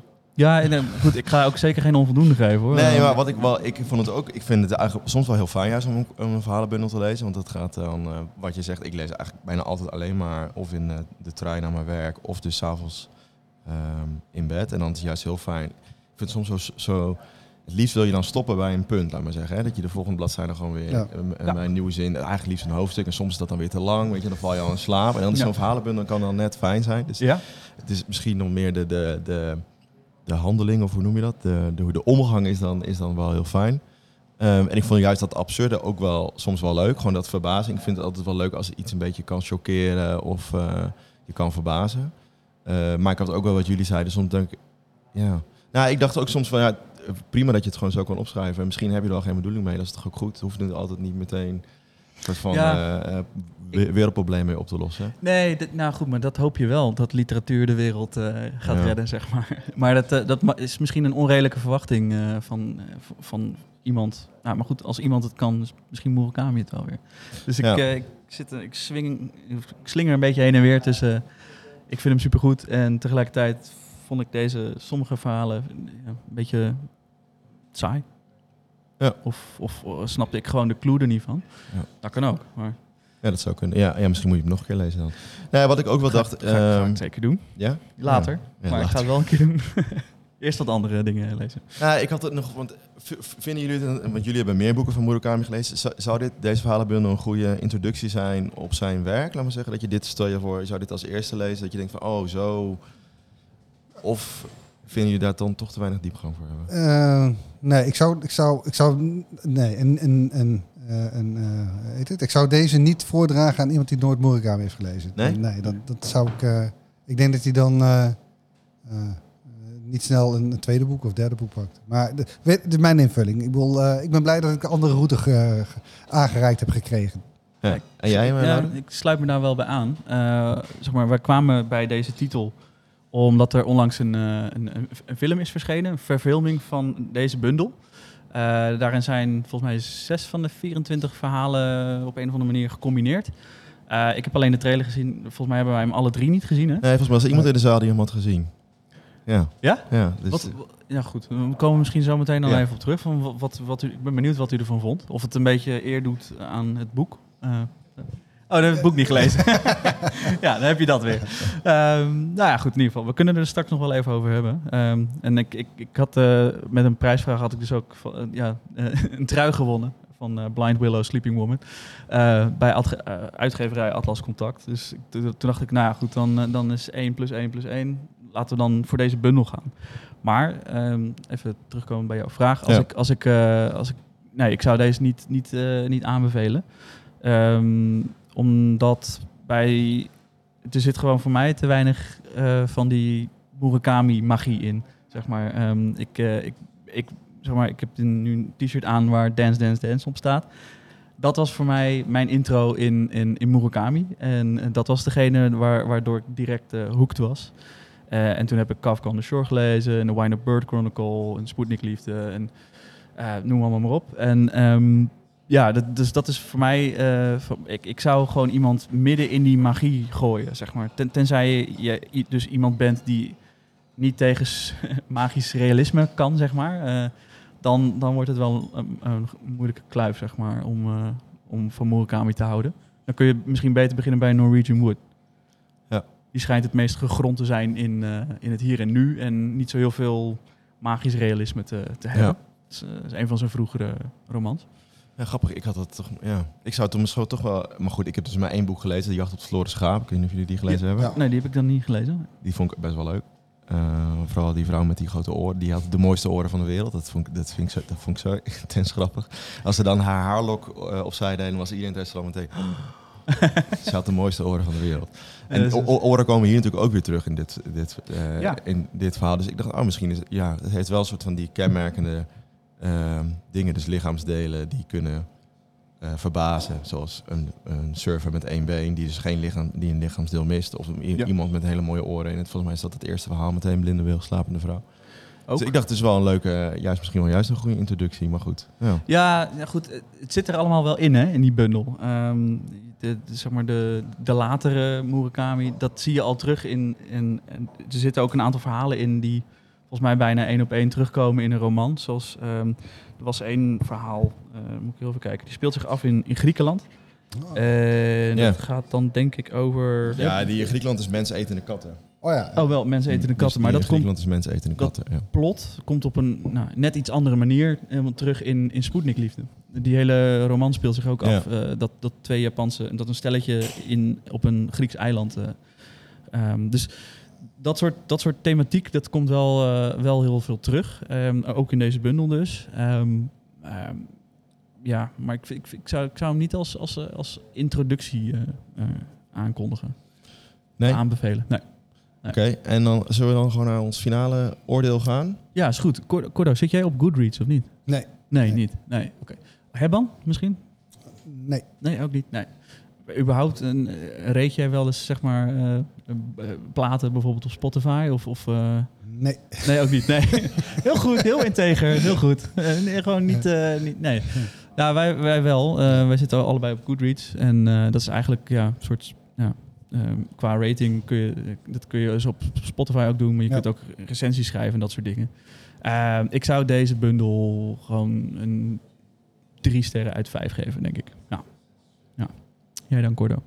Ja, ik, ik- Of wil je er niet aan wagen? Dat kan ook. Dat kan nee, ook. wel zeker. Nee, ik, ik, eh, ik denk dat eh, eh, een drie sterren eh, eh, eh, een goe- goede, goede Nou, is. Ja, Top. absoluut. En dan gaat Rens hem nog even omhoog bumpen. Nee, ik had ook drie sterren opgeschreven. Oh, oké. Maar eh, dat, dat Oké. kijk maar, ik zat hier op mijn draai, ik heb drie sterren Oké, achter. oké. Eh, dus, dus ik heb het niet veranderd voor jullie. Nee, ja, maar ik ben misschien dan toch iets eh, positiever of zo. Dat, ja, ik kwam iets, misschien iets positiever over. Maar eh, ja, drie sterren vind ik ook wel genoeg. Een drie sterren neigend naar vier. Eigenlijk drieënhalf. Ja, of, drieënhalf misschien wel, ja. Maar wel grappig, want dit is dan wel onze eh, slechtst gerate te boek tot nu toe. ja. Ja, maar mag Het is ook het een verhalenbundel, ja. hoe, hoe meer je er doet, hoe meer je ook tot een bepaalde smaak komt uiteindelijk. Ja. Heb je nog een Ehm. voorkeur dan voor verhalenbundels of juist romans? Wat nu dit of... eh, Nou, nu je dit gelezen hebt? ehm, bij Murakami dus voor romans. Ja, maar gewoon in het algemeen. Maar in het algemeen, ehm, ik, ik lees meer romans dan verhalenbundels. Ehm, maar op zijn tijd een verhalenbundel eh, die dan heel steengoed is, dat, eh, ja, dat doet het hem ook wel voor mij. Mhm. En ik heb wel eens bij mezelf nagedacht van, ik heb eh, niet altijd een even goede attentie, of hoe zeg het, ehm, ehm, eh, spannen, de aandachtspannen van een goudvis. Ja. Zeg maar, ik, ik schrijf makkelijker korte verhalen dan, dan die hele roman die ik heb geschreven, eh, die er staat. Ehm, maar ja, ik, qua lezen denk ik toch dat ik meer naar een roman eh, neig dan korte verhalen. Ehm, maar er zijn wel een aantal korte verhalen meesters, zeg maar. Eh, eentje daarvan was Jan Arends. Die heeft een, ja, een verhalenbundel geschreven, Caveman. Ik weet niet of jullie het kennen, maar Nee. fantastische bundel. En gewoon gelijk vanaf het eerste verhaal ehm, super origineel en ehm, beknopt en, en geen woord te veel. Ehm, andere verhalen vertellen is de FB Hots. Eh, is ook een Nederlandse, eh, ja, korte, was, was een korte verhalen schrijver. Eh, ik weet ook niet of hij romans heeft geschreven, maar zijn korte verhalenbundels zijn echt steengoed. En zo heb je er wel meer. Ik zit dan even, probeer dan even die Japanse equivalent naar boven te halen. Ik, ik ben geneigd te zeggen Kawabata, maar ik heb nog niet heel veel verhalenbundels in, eh, uit, vanuit het Japans gelezen. Jij, Cordo? Nee, nee, nee, Nee. nee, dit was sowieso mijn eerste verhalenbundel. Oké, ja. Dus eh. Ja.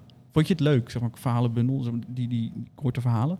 Eh, nee, nee, ik, ik, ik was wel benieuwd hoe dat zou uitpakken. En dan zeg ik, bedoel, eh, ja, verder wat drie sterren komt. Ik merk dat inderdaad de, de, de verdieping af en toe miste. En dat die je er wel bij de roman hebt. En dat je daar ook makkelijker meegenomen wordt in de, in de, de leuke absurditeit die, eh, die Murakami heet. eh. Nou, sluit ik me bij aan. Ja. Nou, mooi. Hebben we eigenlijk best wel een prima, volgens mij, redelijk Ja, het... eh, jij dan? Korte verhalen? Wat, eh, Oh ja, goeie. Eh, ja, ik eh, vind het altijd wel relaxed, korte verhalen, ja. Ja? Dus je- vooral voor in de trein, zo onderweg en zo. Dan, je, dan zit je toch even... Je kunt gewoon dan iets makkelijker afsluiten of zo. Ja, misschien ben ik daar een beetje autistisch in, maar... Ja, ehm, ja. Niks mis mee. Nee, ik vind het altijd wel fijn. Maar ik heb ook nog niet zo heel veel gelezen, moet ik eerlijk zeggen. Dus het is ook niet eh, dat ik echt een expert ben. Nee. Ah, gaan we dan eh, induiken. Ik bedoel, we hebben nog... eh, Genoeg tijd. We hebben nog, ja, we hebben nog jaren voor ons, toch? Ja. Vol aapnoot Mishima eh taferelen. Nou, mooi. Zijn we, ja, we hebben een soort, volgens mij, drie sterren, prima scoren. Ehm, ik denk voordat we helemaal de boel gaan afsluiten hier. En we zitten natuurlijk nu in een café en er zijn zelfs mensen gekomen. Ehm, Ja. wat, heel, wat heel leuk is. Toch, toch best bijzonder voor het eerst. Hè? Zonder- Mensen die niet omgekocht zijn met Japanse whisky eh, en jazz. Dus eh, Ik dacht, misschien hebben mensen wel vragen voor ons. Dan kunnen we dat nu doen. en, eh, ja. ja. en eh, we hebben een microfoontje staan, die kunnen we aanzetten. Dus mensen kunnen daar een vraag Ja. stellen. We kunnen ook de vragen herhalen. Maakt ons niet zoveel uit. Dus als er iemand een vraag heeft, laat ons horen. nu het moment. Jullie hadden het net over eh, welk boek je als eerste zou aanraden. Jij noemt het net al even, Laurens. Dance, Dance, Dance, volgens Ja. mij. Cordo, heb jij iets wat je kan tippen? Ik ben niet echt een Murakami-kenner. Ik heb er weinig van één boek van gelezen, geloof ik. Is er iets wat je me kan aanraden van... Ja, dit is een goed startpakket. Ik, vond, ik ben begonnen met uh, Te Zuiden van de Grens. Eh, en dat vond, ik, ja, dat vond ik een heel, heel mooi boek. Omdat ik in eerste instantie... ken ik eigenlijk niet zoveel, of eigenlijk helemaal niet... Toen begon iemand in de boekhandel me uit te leggen... ja, je hebt boeken over pratende katten en twee manen. en toen dacht ik, oh nee, weet je, dat, is niks voor mij dit. Dus uh, toen zei ze, nou, ik heb ook een... Dit kun je proberen? Oké, okay, dat klinkt dan al wat... Uh, dus ik zou voor uh, Te Zuiden van de Grens gaan. Of Norwegian Wood, een van die ja. twee. Ik denk dat dat twee, uh, twee boeken zijn die, die heel lekker... Uh, hele goede instappers zijn. Ja, ik, ik, heb me laten vertellen dat Norwegian Wood inderdaad zijn meest normale uh, roman is. Dus misschien moet je daar beginnen. En jij, Rens, heb jij nog een tip? Ja, ik heb dat is maar één boek hiernaast gelezen. Ja, het verloren schaap. Ja. Dat is dat de okay, tip. dan is het jouw tip. Goed. Dat maar dat toch? sprak je wel aan, toch? Ja, vond ik wel heel erg leuk om te lezen. Ja. ja. ja. Waarom heb je dan niet uh, later er nog eentje bijgepakt? Uh, dat ik gewoon zoveel boeken aan het lezen ja, je, ja. je bent uh, historische nerd natuurlijk. Ja. Dus uh, echt een beetje de historicus in jou. Dus jij zit meer in een non-fictie eigenlijk dan fictie? Of? Vaak, vaak wel, ja. Ja. ja. Ah, okay. Dus dan, ja. Ja, dat, dat is logisch. Ja. ja. je hebt ook maar. Maar goede, goede, goed idee. Misschien, ik heb bijna vakantie, dus dan moet ik misschien maar wat hey. kamers meenemen. Ja. Lekker. Waar gaat de vakantie heen? Frankrijk. Dat is niet erg. Nee, nee. nee zeker niet. Heerlijk. Um, uh, maar zijn er nog meer mensen die een, die een vraag hebben? Is, is hiermee trouwens je vraag beantwoord? Ja? Kun je ermee vooruit? oh jee, ik zie, uh, ik zie Werry uh, komt naar voren. Is er iemand die weet hoe de, een whiskybar heette van Murakami? Nee. Oh, snap. Ehm, oh, oh nee, ik, ik dacht, eh, nou, nou, oh, nee. Nee, ja, hij had een jazzbar inderdaad, maar ehm, Ja, Jazz en Whiskey Bar, ja. ik kan het eh, eventueel, eh, ja, oh, we, we kunnen het nu niet googlen, maar ik, ik kom er straks, eh, denk ik, dan even op terug. Of zou jij, ja, zou jij even willen googlen? Want jij zit niet zo dicht bij de apparatuur, en dan, dan anders eh, hoor je dat heel erg suizen en eh, dat is niet zo prettig voor de, voor de luisteraars thuis.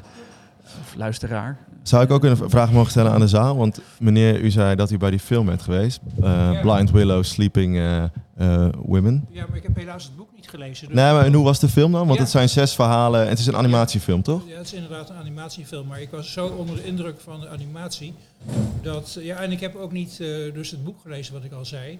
Dus ik kan, kan geen oordeel geven over de relatie tussen de beelden en, de, en, en het boek. Maar het, eh, de, animatie was, eh, was eh, wonderschoon. Ja. Kijk. En eh, ja, de, de, de, het, eh, de, de, de rare wendingen die Murakami wel eigen zijn, die, die waren wel herkenbaar.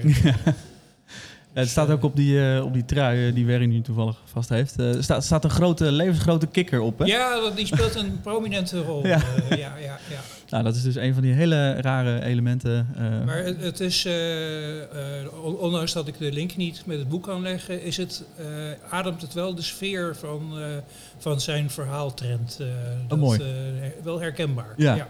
Want u heeft wel andere boeken van Murakami gelezen. Ja, Norwegian Wood en eh, ook Dance, Dance, Dance. Oh, ja. Ja, op meerdere. dus het doet wel eer aan, aan eh Murakami. Ja, het, het, het was herkenbaar in die zin. Ja. Ja. ja. Ah, mooi. Mooi. En u heeft er ook gewoon van, het, van de film zelf genoten? Dat was ook nog wel Ja, moeite nee, waard? nee ik, ik eh, twijfelde zelfs of ik eh, dat die vorm van, van eh, film wel wilde zien. eh, Oh, maar ik werd aangenaam verrast door. Ja, je, je, je, je- je was in Tokio met, op, op grond van de beelden. ja, ja, ja. Dus dat was eh, verrassend goed. Ah, Ja. te gek. Dan, dan, eh, ja, ik, ik heb hem helaas eh, gemist toen hij hier in, eh Ik in zou zeggen, maak dat even goed. Ja, ik ga eens even kijken of ik hem linksom of rechtsom toch kan, Ja. eh, kan zien. Ehm, Volgens mij is hij nog een mimic te zien hoor, in Deventer. wel? Ja. Ik had gekeken. Dat zei de vrouw bij de boekhandel vorige week tegen mij. Oh, pot voor dikkie. Ja. Dan, dan Over- moet ik er even overigens, is achteraan. er, overigens is er, eh, ja, ik weet niet of ik te veel uitweid, maar is er eh, eerder een film geweest eh, met die rode saap, eh, ik ben even, Ja, ja. eh, Drive My Car. Drive My Car, ja. Daar ben Zeker. ik ja. recentelijk achtergekomen dat dat, ehm, eh, er, is nog een verhalenbundel van Ja. Murakami. Ehm, daar, die film is gebaseerd op een aantal verhalen die in die film verwerkt zijn. Eh, Ja. Dus, dus het is niet, eh, Drive My Car is het eerste Ja. verhaal van het boek. Klopt. Ja, En, eh, maar er zijn meer eh, verhalen uit dat boek in die film verwerkt. klopt, ja. En als, Maar als het goed is, vond is ik ook een prachtige film. Ja, eh, dat was- overigens. inderdaad, ben ik het helemaal mee eens. Ik heb hem ook gezien. Hij is volgens mij verfilmd door Ryusuke Hamaguchi, als ik het goed heb. En eh, diezelfde meneer heeft ook nog eh, Asako 1 en 2 eh, gemaakt. Dat, is, dat is ook een film. Is ook blijkbaar gebaseerd op een aantal, één of meerdere korte verhalen van, Ja. eh, van eh, Murakami. Dus, eh, oh, kijk, we hebben een, eigen, we hebben een antwoord hier op hoe eh, Murakami's jazzbar heette. Er staat hier Peter Cat Jazz. Ah, Werry, kun je daarmee vooruit? Helemaal goed. Nou, top. Ehm, z- ja, zijn er dan nog meer vragen? Of, of hebben we zo de boel wel een beetje afgetikt? Mag ik nog een vraag aan Cordo stellen? Ja, Of voor liever mij niet? wel. Of, is jouw Cordo podcast. Ja. ja, ik dacht misschien heb je nog een, eh, een, een tip voor een jazzplaat die passend is bij deze verhalenbundel. Of is dat veel te moeilijk? Of sowieso misschien dan nog een, een, een, een, een Japanse eh, jazzartiest die, eh, die je kan luisteren straks op Ja, die, eh, hij, eh, eh, misschien dat ik hem kan krijgen.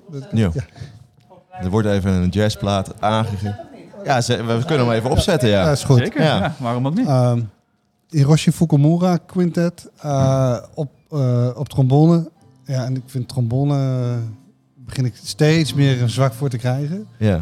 En ja, het is een hele toffe plaat. Echt eh, warme klank van de trombone. En eh, ja, Het klinkt mega relaxed. kan ik absoluut iedereen aanraden. Ehm, dus ja, We horen het nu op de achtergrond. Op wat voor momenten luister jij naar jazz? Ja, sorry, ik ga nu even een beetje, maar ik vind dat gewoon interessant. Ja, tuurlijk. Eh, eh, als ik aan het werk ben, eh, Oh ja. graag, dan eh, mag ik het graag eh, op hebben. Eh, gewoon natuurlijk de zondagmiddag. eh, eh, ja, elke jazzplaat heeft zijn eigen moment. Ja. Dus dat, eh, ja. Want jij, want jij draait hier in eh, Café Sugar Hill één, keer per maand of zo? Nee, nee, eens in de zoveel tijd. Oh, eens in Eh, zoveel eens in, in- eh, pak op één, ja, eens in het kwartaal of zo. En dan is het eigenlijk heel laagdrempelig. Gewoon plaatje op, plaatje af. Niks met een, een mixer en turntablism, dat soort grappen. en, en- Werry die dan zijn fantastische whiskies heeft hier. waar mensen Ja, en dat zijn er nogal wat. Holy moly. Ja. Nee, maar ehm, eh, dit, de, de- gewoon, en dat combineren jullie dan. eh, en, en nu zijn wij er dan toevallig Ja. een keer bij, eh, omdat we dan een podcast opnemen. Ja. Ehm, ik zag ook nog een andere ehm, ehm, eh, ja, jazzartiest waar jij wel fan van was. Ja, ja, ja, ja. Ik bedoel, hij staat achter me. Misschien kan iemand dus- hem even aangeven. Ja, als ik dan toch een, een, een, een darling moet uitkiezen, dan is het wel de, de, plaat van, de plaat van Hiroshi Suzuki, Cat. Wat hij- maakt die plaat zo goed voor, volgens jou? Weet ik niet. Nee. Nee, nee het, is gek eigenlijk, want hij is eigenlijk eh, eh, eh, so- misschien wat te soft of zo, maar hij heeft, ja, een trompetist. Maar ja, echt een hele mooie warme plaat. Die, die, je hebt ook wel eens van die jazzplaten, die, dat is echt doorbijten. Wat op zich Mm. prima is. Maar dit is een plaat die je ook gewoon op kunt zetten ja, als je mensen op bezoek hebt. Ja, Of, ja, ja. dus ja, deze, de, de, ja ik zeg altijd, deze plaat die gun ik iedereen in de kast. En eh, ja, die hebben ook, eh, eh, ja, ik wil hem ook beschikbaar stellen voor eh, Beschikbaar stellen. beschikbaar stellen. Wauw. Kijk eens. Tussen krijgen we een whisky Kijk. aangereikt. Eh, Kijk, ondertussen is Werry de perfecte gastheer. Fantastisch man, dankjewel. Gekkigheid. Oh, wat, voor, wat voor moois is het? Wat is het? Een Eh, jullie drinken is met Ichiro's malt. Ichiro's malt. Oké. Ichiro's malt, eh, double the distilleries. Wauw. Eh, Ichiro Okuto, zeg maar, dat is een, ja, wordt nu een beetje de rockster onder de Japanse whiskies genoemd. Ah, Dus 2008 is die begonnen. fantastisch. Hij heeft nog heel veel oude voorraad. Dat was zijn opa. En Was een opa? Ja, en die distillerij uit Hanyu. Dus, ja, werd vroeger niet veel whisky natuurlijk verkocht. Het was helemaal niet populair. Daar staat Japanse whisky. Nee, Dus die distillerij heeft 15 jaar bestaan. Is kijk eens aan. En hij heeft de oude voorraad opgekocht. En van die 15, eh 15 jaar, zeg maar, de, de voorraad die er nog is, ja, schreeuwend duur. Ja, Ja, en dat, is, eh, dat deel jij hier gewoon even uit. Nou, het is, het is een. eh, nee, want die, het is een bepaalde serie uitgekomen van 54 vaten van de distillerij, die gesloten distillerij. Wauw. Dat is, een kaartspel, dat kan je eigenlijk verzamelen. Ja, ja, ja. En er is, eh, ja, dat zijn volgens mij drie complete kaartdecks, zeg maar, dat is 54 flessen. Holy Maar moly. dan, dan praat je over anderhalf miljoen euro. Dus, eh, en een beetje daarvan, Oh, eh, en dit is zeg maar een mix van, wat van die Hanyu distillerij, van die oude distillerij. En een. En van zijn nieuwe. Dus van Ah. de- en dat hebben ze zeg maar een vette malt, dus twee single malts bij elkaar. Het is een blend van twee single malts. Ja, Ah, wauw. van zijn Wauw. opa en van zijn uh, Fantastisch werk. Ichiro Okuto. Dus uh, laat, het, laat het smaken. Ja, Ja, laten we gaan proeven. kampai. Kampai, inderdaad, ja. en eh, fijn dat je die fles hier laat staan. kan niet garanderen dat hij, eh, dat hij eh, eh, nog helemaal vol is zometeen. Ja. Ehm, zullen we even proosten dan? Ja. Want, ik, ik vind het namelijk wel een hele leuke, spontane aflevering zo. En op... Eh, Kampai, inderdaad. Ook op jullie. Leuk dat jullie er waren. Dat er gewoon mensen waren die dit live willen aankomen, aankomen komen aanschouwen. Ehm super gaaf. Hey, eh, wat, wat zullen we doen met die platen dan? Want je wilde hem beschik- beschikbaar stellen. Ja, ik wil het beschikbaar stellen. En ehm, eh, nou, eh, we kunnen een heel mooi verhaal houden over heel veel reacties die we hebben ontvangen. Ehm, maar ik ben hier eens heel enthousiast over jazz. Hmm. Heeft een mooie bijdrage gebracht. De, de, de bezoeker hier heeft ons aangeluisterd, heeft zijn bijdrage geleverd. Dus ik wil hem graag aan, aan, aan, zijn, aan zijn luisteraar beschikbaar stellen. U, u heeft, heeft u een platenspeler? Fantastisch. Gelukkig. Nou, helemaal, dan, dan komt het helemaal mooi uit. Dankjewel, Cordo. en wie weet heb je er binnenkort eh, wel een vervent eh, jazz eh, luister, of Japanse jazz luisteraar bij. Ja. Wie weet, wie weet. Ah, mooi dit man. Mooi. Nou, daar zijn we ja, eigenlijk... Onder- eh, ondertussen heeft volgens mij iedereen nu een eh, glaasje gekregen van, eh van Werry. Dus eh, ik- inderdaad, nu kunnen we gezamenlijk met z'n proosten. allen, ja. Kampai allemaal. Kampai. Op een hele geslaagde middag, wat mij betreft. Eh, na, na wat opstartproblemen. maar eh, nee, we zijn, eh, we zijn hier... ehm, ehm, ja, het was echt een, een bomvolle aflevering, als ik het zo mag zeggen. We zijn volgens mij dik over de tijd één. Maar weet je wat, zo- zolang je maar in goed gezelschap bent... dan kan zo'n dag, zo'n dag niet lang genoeg duren. Dan krijgen mij wat te drinken tussendoor. Dus, ja. ook nog even. Dus nee, ik denk voorlopig zitten we hier nog wel even. Maar uiteraard zijn we ook nog heel erg benieuwd naar eh, de mening van de luisteraar thuis. Over het boek, over de auteur of over deze podcast. Eh, laat je vooral horen. We zijn te vinden op Instagram, uh, aapnootmishima. En we zitten ook op YouTube. Mocht je daar de podcast willen luisteren, dan kun je daar uiteraard ook een berichtje achterlaten. Um, en ja, dan moeten we nog even het boek dat we de volgende keer gaan bespreken. ja, je had het in het begin al aangekondigd. Ja, um, het boek heet dus. want jij, jij kent het nog niet, toch wel? Nee. Nee, nee, nee sorry. Cordo ook niet. dat was nee, precies. Um, nee, het, het, het heet dus Honingbij, Honingbijen en Donder in de Verte. Um, uh, van uh, Riku Onda. Het is een boek uh, dat in 2016 uitkwam in Japan en de Naoki Prize won. Um, dat is niet de allerbelangrijkste prijs, maar toch wel een, een, een eentje met aanzien. Um, en ja, dat boek gaan we dus bespreken. De, publicatie kwam voor mij een beetje als donderslag bij Heldere Hemel. Maar we werden benaderd door uitgeverij Spectrum. Uh, waarbij uh, dit boek dus is verschenen. Um, of, of, we misschien een aflevering zouden willen maken over dit boek. Of, ja, of dat leuk. ons uh, interessant lijkt. Nou ja, wij zijn de beroerdste niet. en, uh, dus, we, dus we krijgen, als het goed is, twee boeken opgestuurd van uitgeverij Spectrum. En dan gaan we er weer in duiken. Um, heb je wel eens wat gelezen van uitgeverij Spectrum? Of?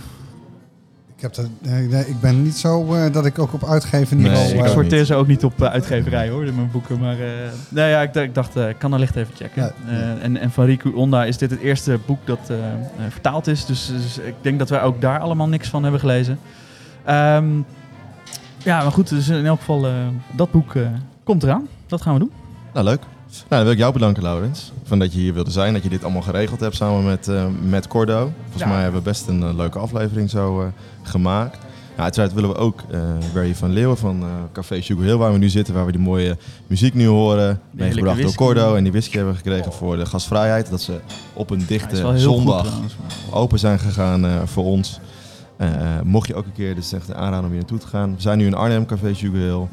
Uh, kom er gewoon een keer langs. Ze hebben uh, zelf, de, zelf uh, eigen samengestelde koffie, melange, koffieblend. Zag ik net al op de kaart staan. Lekkere broodjes. 30 Eh, soorten bier. 30 soorten bier en Ja. whiskies. Dus eh, kom er echt een keer eh, langs. Lekker, het ligt best wel centraal in Arnhem. Je kunt gewoon van het station lopen. Dus kun je ook weer met de trein naar huis. Hoef je niet Zeker. met een bob te regelen. Dus dat komt allemaal heel goed. En eh, kijk ook even op hun Instagram en, eh, en Facebook. Ja, Dus zeker. dan eh, kun je denk ik meer over vinden. Eh, Nou Cordo, ik wil jou ook heel erg bedanken. Jullie bedankt. Vond je het leuk? de Ja, ik aanstichter. vond het leuk. Ja. Ja? Nee, ik vond het heel leuk eh, dat jullie eh, deze kant op zijn opgekomen. Echt eh, heel tof. Gra- Graag gedaan, ja. Dit, ik bedoel, dit, dit soort dingen het zijn van die unieke samenkomsten eh, Ja. van, van, van, eh, van interesses. Eh, en ik ja, vind een mooie kruisbestuiving zo. Ja, nee, absoluut. Want ik, ik, ik hoor nu deze muziek op de achtergrond en ik denk, eh, ik moet echt meer jazz gaan luisteren. Dus ik, eh, ik wil me daar zeker eh, in, in gaan verdiepen. ja. Ehm, en die whisky ook trouwens. Ehm, maar eh, ja, nee, dus... ehm, wil, je nog wat... eh, Ja, ik wilde eigenlijk het publiek nog bedanken. Ja, nee, absoluut. dat ja. eh, Ja. jullie gekomen zijn. Ik, ik zei, ik wil jullie niet vergeten, uiteraard. Nee. Dat jullie allemaal in grote getalen zijn gekomen zijn hier. Nee, maar fantastisch. Ik bedoel, het is zo erg niche, Japanse literatuur. We hadden niet per se een verwachting dat er überhaupt iemand op af zou komen. Maar toch zitten er nog best wel wat mensen hier in de zaal. Dus dat is, dat is heel erg fijn. Ehm, en eh, ja, eh, eh, ja ehm, dat jullie hier op zo'n loeihete dag eh, naar, naar ons uh, geouwe hoeren komen luisteren, dat waarderen we enorm. Ehm, en eh, ja, dan eigenlijk nog eh, de luisteraar thuis, die, die dit ook weer helemaal heeft eh, doorlopen. Dus eh, ook jij eh, thuis, eh, lieve luisteraar, eh, bedankt voor weer het trouw luisteren. Eh, en eh, tot de volgende. Ja, tot de volgende. Dankjewel, Cordo. Dankjewel. Tot de volgende. Volgende. Tot de volgende. Doei. Hoi, hoi.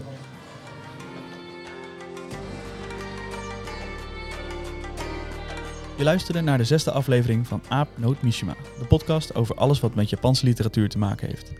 Deze podcast werd mede mogelijk gemaakt door de Bibliotheek Deventer, van wiens apparatuur we hier vandaag gebruik mochten maken. Zonder was het echt niet gelukt. Mocht geschiedenis nu ook helemaal je ding zijn, luister dan vooral ook eens een keer naar Rens andere podcast, His and Her Story. En tot slot, Draag je de culturele sector een warm hart toe? Overweeg dan te doneren om jouw favoriete instellingen door deze tijden van onverbiddelijke hitte te loodsen. En onthoud, bestel je boeken bij je lokale boekhandel. Matanee, lieve luisteraars.